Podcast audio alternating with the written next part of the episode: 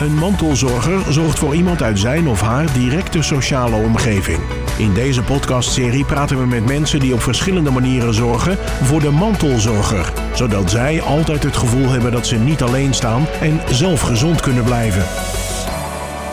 Tegenover mij zit Mirjam Trouwdes, lid van Raad van Bestuur van STG Rijgenstaal. Welkom Mirjam. Dank je. En Richard is ook weer bij ons aangeschoven. Hallo Richard. Ja, ik zal ook een beetje geluid maken. Ja, is goed. Mirjam, je werkt bij STG Rijgenstaal. Ik denk dat voor veel mensen STG Rijgenstaal best wel bekend is. Maar kun je ook uitleggen, wat is precies STG Rijgenstaal voor organisatie? STG Rijgenstaal is een uh, organisatie die mensen met een beperking, en dat kunnen zijn mensen met een verstandelijke beperking, of mensen met een lichamelijke beperking, of mensen met niet aangeboren hersenletsel, ondersteunt op elk levensgebied. Dus bij het wonen, bij het werken, uh, bij het naar school gaan. Op allerlei gebieden bieden we ondersteuning. En ik denk dat STG Rijkstal vooral bekend is als een organisatie die mensen met een verstandelijke beperking ondersteunt. Ja. Maar een derde van uh, onze cliënten, en dat is, dat is behoorlijk wat, hebben een lichamelijke beperking of niet aangeboren hersenletsel. Oké, okay, en niet aangeboren hersenletsel, wat, wat moet ik me daarbij voorstellen? Nou ja, dat zijn mensen die um, zeg maar zonder uh, duidelijke beperking ooit geboren zijn en opgegroeid zijn, maar in de volwassen leeftijd of als kind, in ieder geval na de geboorte, een ongeluk of um, uh, iets anders hebben meegemaakt waardoor hun hersens beschadigd zijn geworden en waardoor ze dan uh, ondersteuning nodig hebben. Oké, en die ondersteuning die jullie bieden, je zei het al, hè, wonen, zorgen. Um, zijn er dus ook mensen die bij STG Rijgenstaal echt wonen? Ja. Oké. Okay. Ja. We, we, bieden, waar het gaat om het wonen, bieden we zowel uh, woonvoorzieningen aan. We hebben uh, door de hele regio Noord-Holland-Noord, dus in, in Noord-Kennemerland en in de Noordkop en ook in West-Friesland, hebben we allemaal kleinschalige woonvoorzieningen in de buurt, geïntegreerd in de buurt. En daar kunnen mensen komen wonen. Um, en daarnaast bieden we ook heel veel ambulante ondersteuning aan bij het wonen. Dus ja, gewoon bij de mensen thuis is dat. Oké. Okay. Dus dan wonen ze niet bij elkaar in een woonvoorziening, maar wonen ze gewoon in hun eigen huis. En dan komen wij uh, langs ja. om, uh, om die hulp voor, en ondersteuning te bieden ja. die nodig is. Ja. Want jullie hebben, jullie hebben nog niet zo heel lang, hebben jullie ook een, een vestiging uh, tegenover het tuincentrum in, in Herengewaard nu. Hè? De... Ja, dat is STG Rijgstaal, hè? dat is Rijgerstaal, een inrichting in Herengewaard die de meeste mensen ook wel Daarbij kennen. op Dam, tegen op Dam aan zeg maar. Dat is wel de locatie Precies. die iedereen kent denk ik. Ja. ja. En we zijn eigenlijk al heel lang bezig met het herhuisvesten van die mensen die uh, uh, op Rijgenstaal uh, wonen. En we hebben echt al heel lang geleden hebben heel precies in kaart gebracht wat al die mensen nodig hebben. Mhm. Hè? In, in wat voor omgeving, wat voor huis voor hun prettig is, maar ook in wat voor omgeving ze het beste kunnen wonen. En een van die herhuisvestingsprojecten is daar tegenover, uh, aan het eind van de middenweg. Ja, want wat, wat is daar dan anders bijvoorbeeld dan bij de vestiging uh, tegen Opdam aan? De, is dat de hoofdvestiging? Ja, maar die, die hoofdvestiging gaat dus verdwijnen. Dus okay. daar woonden 20 jaar geleden, 25 jaar geleden, woonden daar iets van 450 mensen. En op dit moment wonen er nog maar 100 mensen. En 350 van die mensen die daar woonden, hebben dus inmiddels al een andere woonplek gevonden. En dat is onder andere aan, aan de Middenweg, maar ook uh, in Stad van de Zon wo wo wonen veel mensen. En heel veel cliënten van ons, die dan vroeger op Rijkstal wonen, die vinden een woonplek in de Draai. Ah. De Draai is een nieuwbouwwijk in Ja. Heergewaard die wij samen eigenlijk met de gemeente Heergewaard en ook met Woonwaard, die er heel belangrijk in is geweest, hebben mogen ontwikkelen. En waar heel veel van onze cliënten een, eh, een goede plek hebben gevonden om te wonen. En, en is dat dan een proces van centraal naar decentraal, naar meerdere vestigingen? Is Ja. dat bewust, omdat Ja. er of geen ruimte beschikbaar is voor zo'n grootschalige opzet? Of is dat beter voor de mensen bijvoorbeeld? Ja, wij denken dat mensen met een beperking er gewoon bij horen. En dus ook Ja. gewoon een plek in de samenleving uh, uh, aangeboden moeten krijgen. Ja. Um, en dat betekent dus dat we ervoor gekozen hebben om uh, mensen ook, of om de herhuisvesting van Rijgenzaal ook gewoon in de wijk te doen. En de Buitenhof, dat is een voorbeeld, hè, want daar had je het net over. Dus aan het eind van de middenweg, waar ja. tegenover het tuincentrum. Dat is een voorbeeld van een uh, woonplek die dan iets meer buiten de samenleving ligt. Hè? Een beetje aan de rand Uh, want daar wonen mensen die gewoon de ruimte nodig hebben. Hmm. En om zichzelf te kunnen zijn, omdat uh, nou, dat bij hem past. De, ja. de wat meer ingewikkelde Ja, dat, dat, zijn wat ingewikkelde mensen die wat moeilijk gedrag soms ook Ja. laten zien. Uh, maar die ook in hun uitingen soms wat onaangepast lijken. En dan, dan is het beter als, uh, als ze op een plek uh, wonen waar ze, dat, waar ze gewoon zichzelf kunnen zijn. Ja. En waar ze zich niet enorm hoeven aan te passen aan hun omgeving. Omgeving, ja. Ja. En, en de, de draai, dat is dus die, die um, uh, locatie buiten, buiten de woonomgeving. Heb ik dat goed? Of was nee, dat de, juist... draai, de draai, dat is een nieuwbouwwijk in De- Heergewaard. Ja, hè? die, die bedoelde ik, ja. Ja, en, Want- en daar, daar komen eigenlijk mm, iets van, of ik weet niet precies de aantallen, maar daar komen heel veel mensen die vroeger eh, op Rijgestal wonen, ja. wonen nu al in de draai. En vanmiddag wordt er zelfs een woonproject van ons in de draai eh, opgeleverd. Oké. En in de draai wonen dus ook ehm, cliënten van Rijgestaal naast mensen die daar een, een woning Ja. huren buiten Rijgestaal om. Ja. En eh, hoe gaat dat contact met, met ehm, ja, normaal moet ik niet zeggen, maar de Mensen die geen beperking Ja, hebben of die precies. niet ondersteund worden door Ja, ons. Hè? Misschien, want wie heeft geen beperking? Hè? Nou ja, Moet je dan inderdaad. afvragen. Inderdaad. Ja. ja, dat gaat over het algemeen heel goed. Ja, Hebben jullie van tevoren ook contact gehad met, eh, met die bewoners of, of met de mensen die al in die wijk woonden? Nou, die wijk was er natuurlijk nog niet. Hè? Dus op heel veel plekken in die wijk zijn wij eigenlijk de eerste bewoners. Of Ja. zijn onze cliënten de eerste bewoners en zijn er andere bewoners erbij komen wonen. Oké, Maar wat we bijvoorbeeld in de draai hebben, je hebt een tamelijk groot wijkpark eh, in, in eh, de draai. En aan de rand van het wijkpark eh, hebben wij een activiteitencentrum. En dat activiteitencentrum heet het ERF. ehm, is in de vorm van een kinderboerderij. En er worden ook eh, eh, wel groentes gekweekt en, en kruiden gekweekt en dergelijke.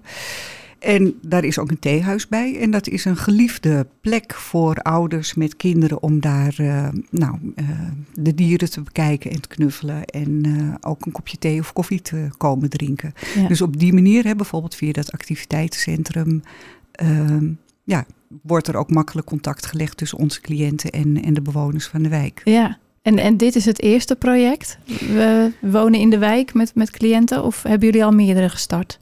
Ja, kijk, ehm SDG Rijksdaal ondersteunt alles bij elkaar iets van drie- 3500 mensen. En op dit moment wonen er nog 100 op het terrein van Rijgenstaal. Dus Ja. dan kan je uitrekenen hoeveel mensen er een eh, woonplek elders eh, hebben. Ja. Dat, dat zal dan in de buurt van de 3400 zijn, Ja. toch? Hè? Ja. Ja, ja, ja. ja. Maar bijvoorbeeld, we, we- deze opname wordt geno- eh, gemaakt aan de Bosgroet. Ja. In, eh, eh, wat is het, Lange, Lange Dijk. In Lange Ja. Dijk. Hier om de hoek is een locatie van STG Rijgsstaal. Waar een aantal eh, volwassen, jongvolwassen mensen met een lichamelijke beperking eh, wonen. Hier vlak achter. En hoe moet ik me dan zo'n locatie voorstellen? Nou, dat, ja, het is een appartementencomplex. Ja. En eh, de benedenverdieping, daar wonen eh, eh, mensen die wij ondersteunen. En ook nog een paar mensen op de, op de eerste verdieping. En die, ja, die wonen daar gewoon in hun eigen appartement. Ja. Er is een kantoor voor de begeleiding. En wat op die locatie heel belangrijk is, is dat er ook een ontmoetingsruimte is. Twee ontmoetingsruimtes zelfs, waar mensen als ze thuiskomen van hun werk even een kopje koffie kunnen drinken. Of samen de maaltijd kunnen gebruiken als ze dat willen. En verder heeft iedereen gewoon de beschikking over zijn eigen woning. En de, de begeleiders, de ondersteuners, die, eh, die gaan bij de cliënten langs om eh, die zorg te bieden die ze nodig hebben. Ja, Hoe, hoe, hoe gaat dat als je op een gegeven moment zo'n eh, project wilt ontwikkelen? Ik, ik kan me ook voorstellen dat eh, als er al een wijk is en daar komt een project in, dat zo'n wijk in een eerste reflex toch vaak zegt: ja, oh wacht even, daar, maar daar zitten we niet helemaal op te wachten hier. eh. ja, dat, dat, veel weerstand is Ja, ja, inderdaad. Ja, ja. Dat hoor je wel, maar wij hebben dat bijna niet meegemaakt. Over Nee. het algemeen is de, de bereidwilligheid om eh, mensen met een beperking in de buurt Ja. te hebben gewoon groot. Ligt dat misschien ook aan, aan jullie benadering? Dat jullie daar een bepaald, dat jullie bijvoorbeeld mensen al in een vroeg stadium erbij betrekken?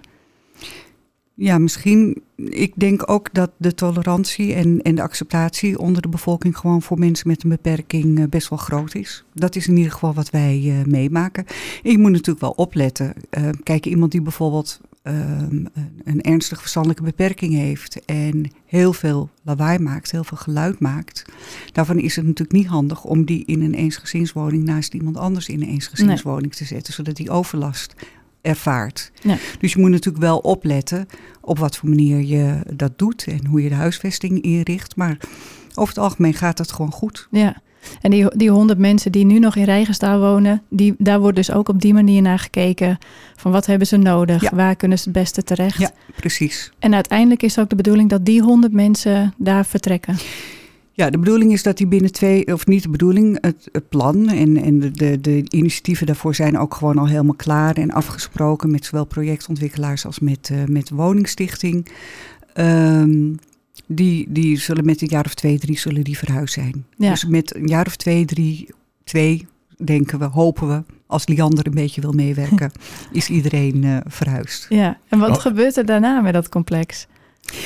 Dan uh, wordt het afgebroken en uh, dan wordt op de, uh, het terrein van Rijgenstaal wordt de draai ook verder gebouwd. Oké, dus dus de, daar- de, de Rijgenstaal gaat onderdeel vormen, gaan, gaat dat vormen van de draai. Ja, wordt onderdeel van Gewoon de draai. Als, ja, als gewone woonwijk. eh, Ja. dus eh, ja, Ja. wordt deel van de draai. precies. Ja. Wat, wat zijn voor jullie bij dit soort dingen nou hele be- belangrijke partners? Hè? Ik hoorde al eh, woning, eh, woningbouwverenigingen, woningstichtingen. Ja. Eh, gemeentes kan ik me Ja. zo voorstellen zijn hele belangrijke partners. Maar met wie moeten jullie nou allemaal om tafel om, om dit soort projecten te kunnen realiseren? Nou, de, de- in, in het geval van de draai is de gemeente Heergewaard natuurlijk ontzettend belangrijk geweest in de hele ontwikkeling daarvan.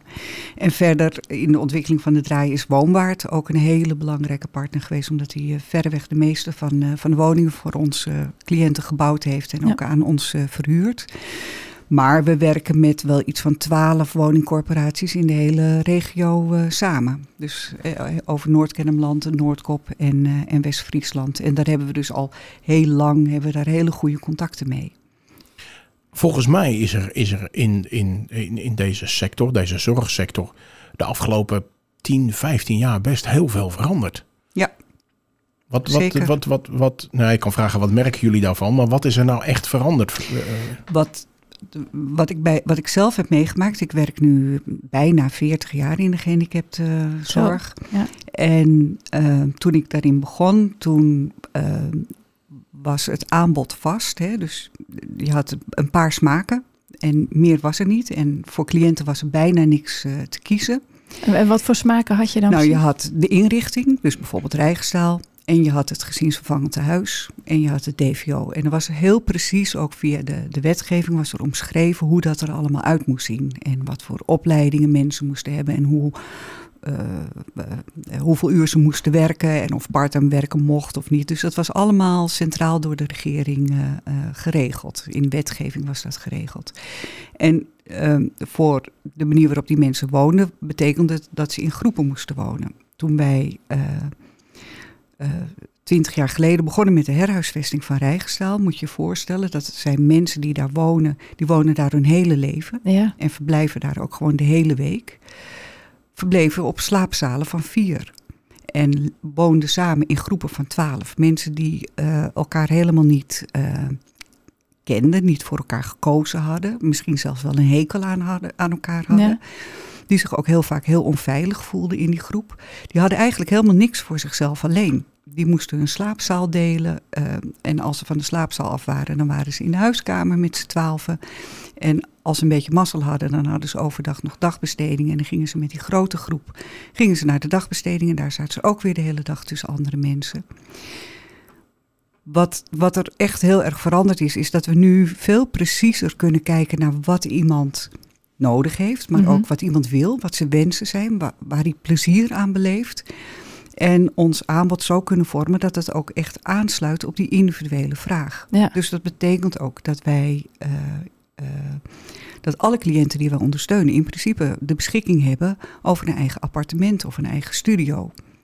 En dus dat alle mensen ook gewoon eh, eh, mogelijkheden hebben om zich terug te trekken en privacy eh, te ervaren. En daarnaast ook andere mensen te ontmoeten. Precies, want ik kan me ook voorstellen dat als je heel lang in zo'n woonvorm, zo'n groep hebt gewoond, dat het ook best lastig is om dan ineens op jezelf te gaan wonen. Dus dan is het al, altijd fijn dat je dan zo'n groep hebt om, om in ieder geval bij samen, samen te kunnen komen. Is dat ook wat jullie voor ogen hadden? Dat, dat, die, dat groepsgevoel dat dat wel moest blijven? Nou ja, mensen, mensen zijn natuurlijk gezelschapsdieren. Hè? Dus ze hebben ook gewoon behoefte aan ontmoeting. Ja. Maar we hebben ook echt wel gezien uh, mensen die zeg maar de beschikking kregen over een eigen appartement. En daar zo gelukkig mee waren dat ze er nauwelijks meer van af wilden komen. Ja. Dus alle soorten en smaken kom je wat dat betreft tegen bij onze cliënten. Hoe, hoe, hoe, is dat verschil zo? Uh, is dat voortschrijdend inzicht? Of is er gewoon meer interesse voor wat in het belang is van uh, de mensen die hulp nodig hebben? Ja, ik denk het is en voortschrijdend inzicht. Er is, er is meer belangstelling inderdaad voor wat de individuele cliënten vragen. Hè. Sowieso is dat in de hele samenleving zo, dat er meer aandacht en belangstelling is voor het individu. En er is ook wel in de afgelopen 40 jaar flink wat meer geld beschikbaar gekomen. Oké, dat scheelt ook. Dat scheelt ook, dus er is ook meer mogelijk. Ja. ja.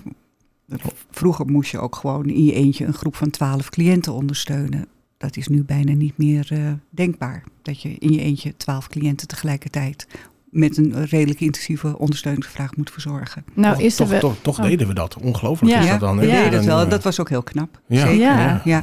En nu, in deze tijd waar zorgpersoneel eigenlijk ook steeds schaarder wordt, hè, schaarser wordt, zien jullie dan ook niet dat het steeds lastiger wordt om, om personeel te vinden, om nou ja, zo uh, zo goed mogelijk te begeleiden. Ja, dat begint zich ook steeds meer uh, op te dringen hoor. De ja. schaarste aan personeel en het uh, zoeken daarnaar, dat, uh, dat is echt een, een, flinke opgave voor de komende jaren. Ja. ja.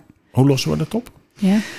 Ja, dat is natuurlijk een beetje de vraag. Kijk, voor een deel zijn we natuurlijk ook wel aan het nadenken over hoe we allerlei digitale hulpmiddelen kunnen inzetten. Hè, zodat we de, de zorg wat efficiënter kunnen uh, organiseren. En nou, een van de eerste dingen waar we dus mee bezig zijn, is om een zorgdossier volgend jaar in te gaan voeren. Wat veel makkelijker te gebruiken is door begeleiders, zodat ze veel minder tijd uh, kwijt zijn aan administratie bijvoorbeeld. Hè. Nou ja, dat is een manier om gewoon snel tijd te winnen en nou ja, bijkomend voordeel is natuurlijk ook dat medewerkers dat wel heel prettig vinden als ze minder tijd aan, uh, aan administratie. Ja, aan administratie. Ja. Er zijn er weinig mensen die zeggen: mag ik alsjeblieft meer administratie? mag, mag ik alsjeblieft meer achter de computer zitten? Nee, nee, Want dat is natuurlijk ook zo. Hè? Dus we hebben, uh, dat is ook een ontwikkeling van de afgelopen jaren, is dat er natuurlijk veel meer administratie bij is gekomen. Ja. En er veel meer verwacht wordt op dat gebied. Dus nou ja, om dat, dat bijvoorbeeld wat eenvoudiger te regelen, daarmee, kan je, daarmee maak je het werk plezieriger, maar je spaart er natuurlijk ook tijd uh, mee uit. Ja.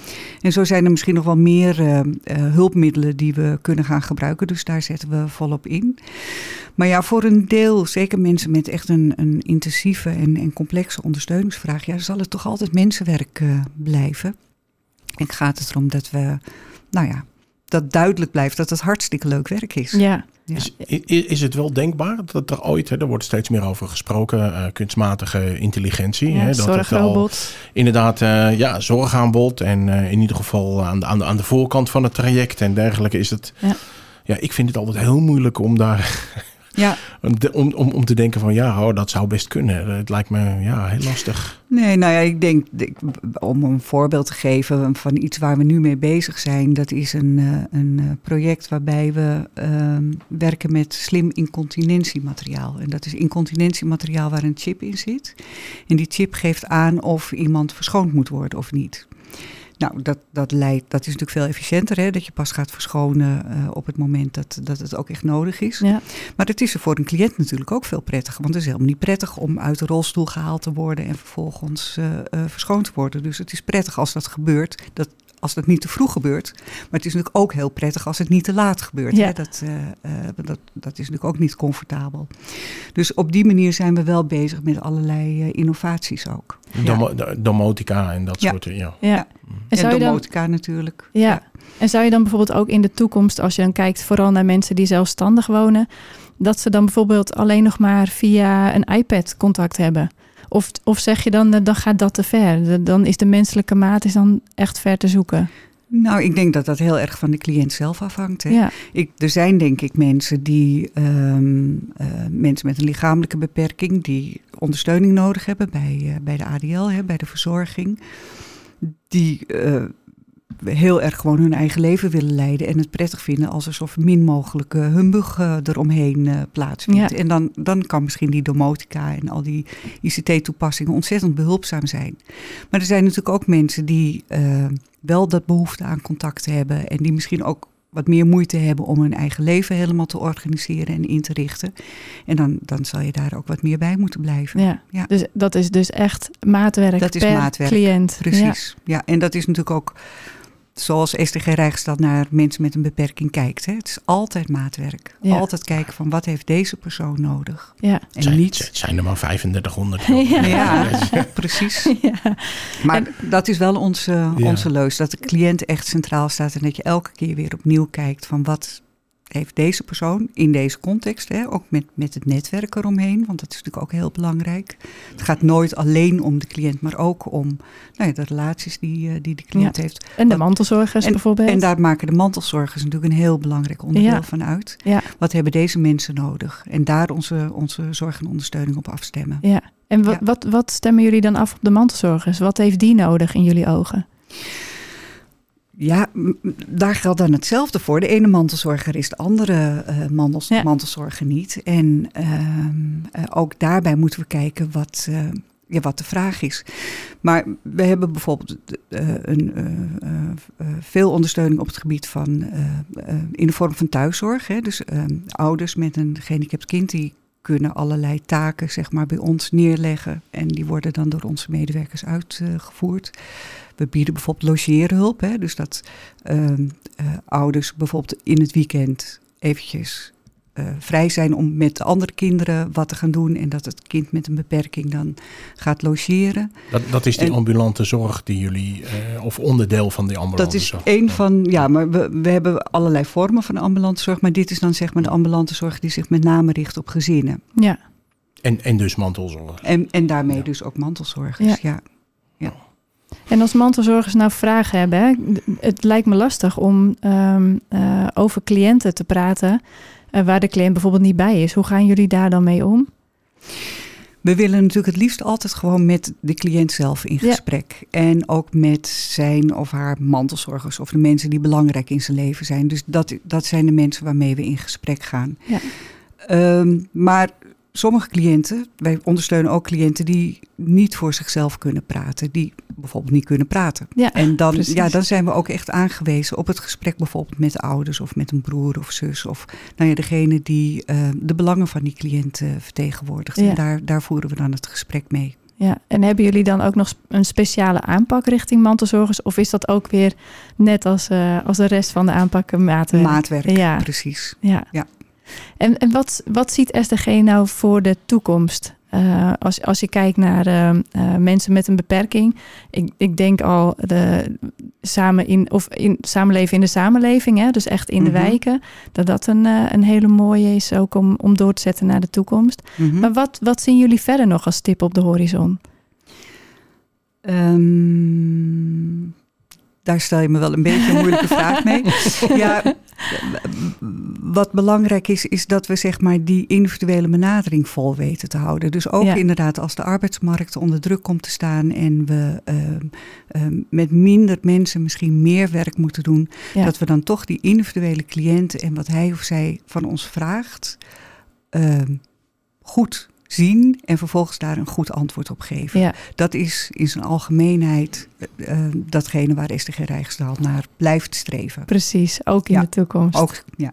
Ja. Precies. Heb, heb, heb ik nog één vraagje? Want ja. we hebben nog heel, heel kort. Ja, even, dus even, ik wil even helemaal terug naar het begin. En ja. naar, um, want ik, ik hoorde in ieder geval net iets uh, zeggen van 20 jaar geleden zijn we begonnen met kijken naar uh, hoe we mensen op andere locaties kunnen krijgen. Hoe lang bestaat Rijgersdaal al? Getallen zijn niet mijn sterkste punt, maar ik denk een jaar of 40. Oké. Okay, mm, ja, nou, dat... het zal nog iets langer zijn. Ik denk 45 jaar ongeveer. Ja. Dat is dus echt in een hele andere tijd ja, uh, begonnen. een hele andere tijd uh, gebouwd. Ja. Ja. En STG Rijkstal bestaat uit STG en Rijkstal. Hè? Dus onze ja. oudste voorziening is nog ouder. Die is een jaar of 50 oud. En dat is de Dreef in, uh, in Heergewaard. Dat is, uh, ja. dat is inderdaad een, een ja. hele periode waarin ja. veel is gebeurd ook, denk ik, uh, de afgelopen jaren. Ja. Oké, okay, Mirjam, dank je wel uh, voor dit mooie gesprek. Wil je nou meer weten over dit onderwerp? Ga dan naar onze website. Bedankt voor het luisteren en tot de volgende keer. Dit was Mantelzorger. En nu een samenwerking tussen Streekstad Centraal en het Mantelzorgcentrum. Meer informatie over mantelzorg is te vinden op mantelzorgcentrum.nl.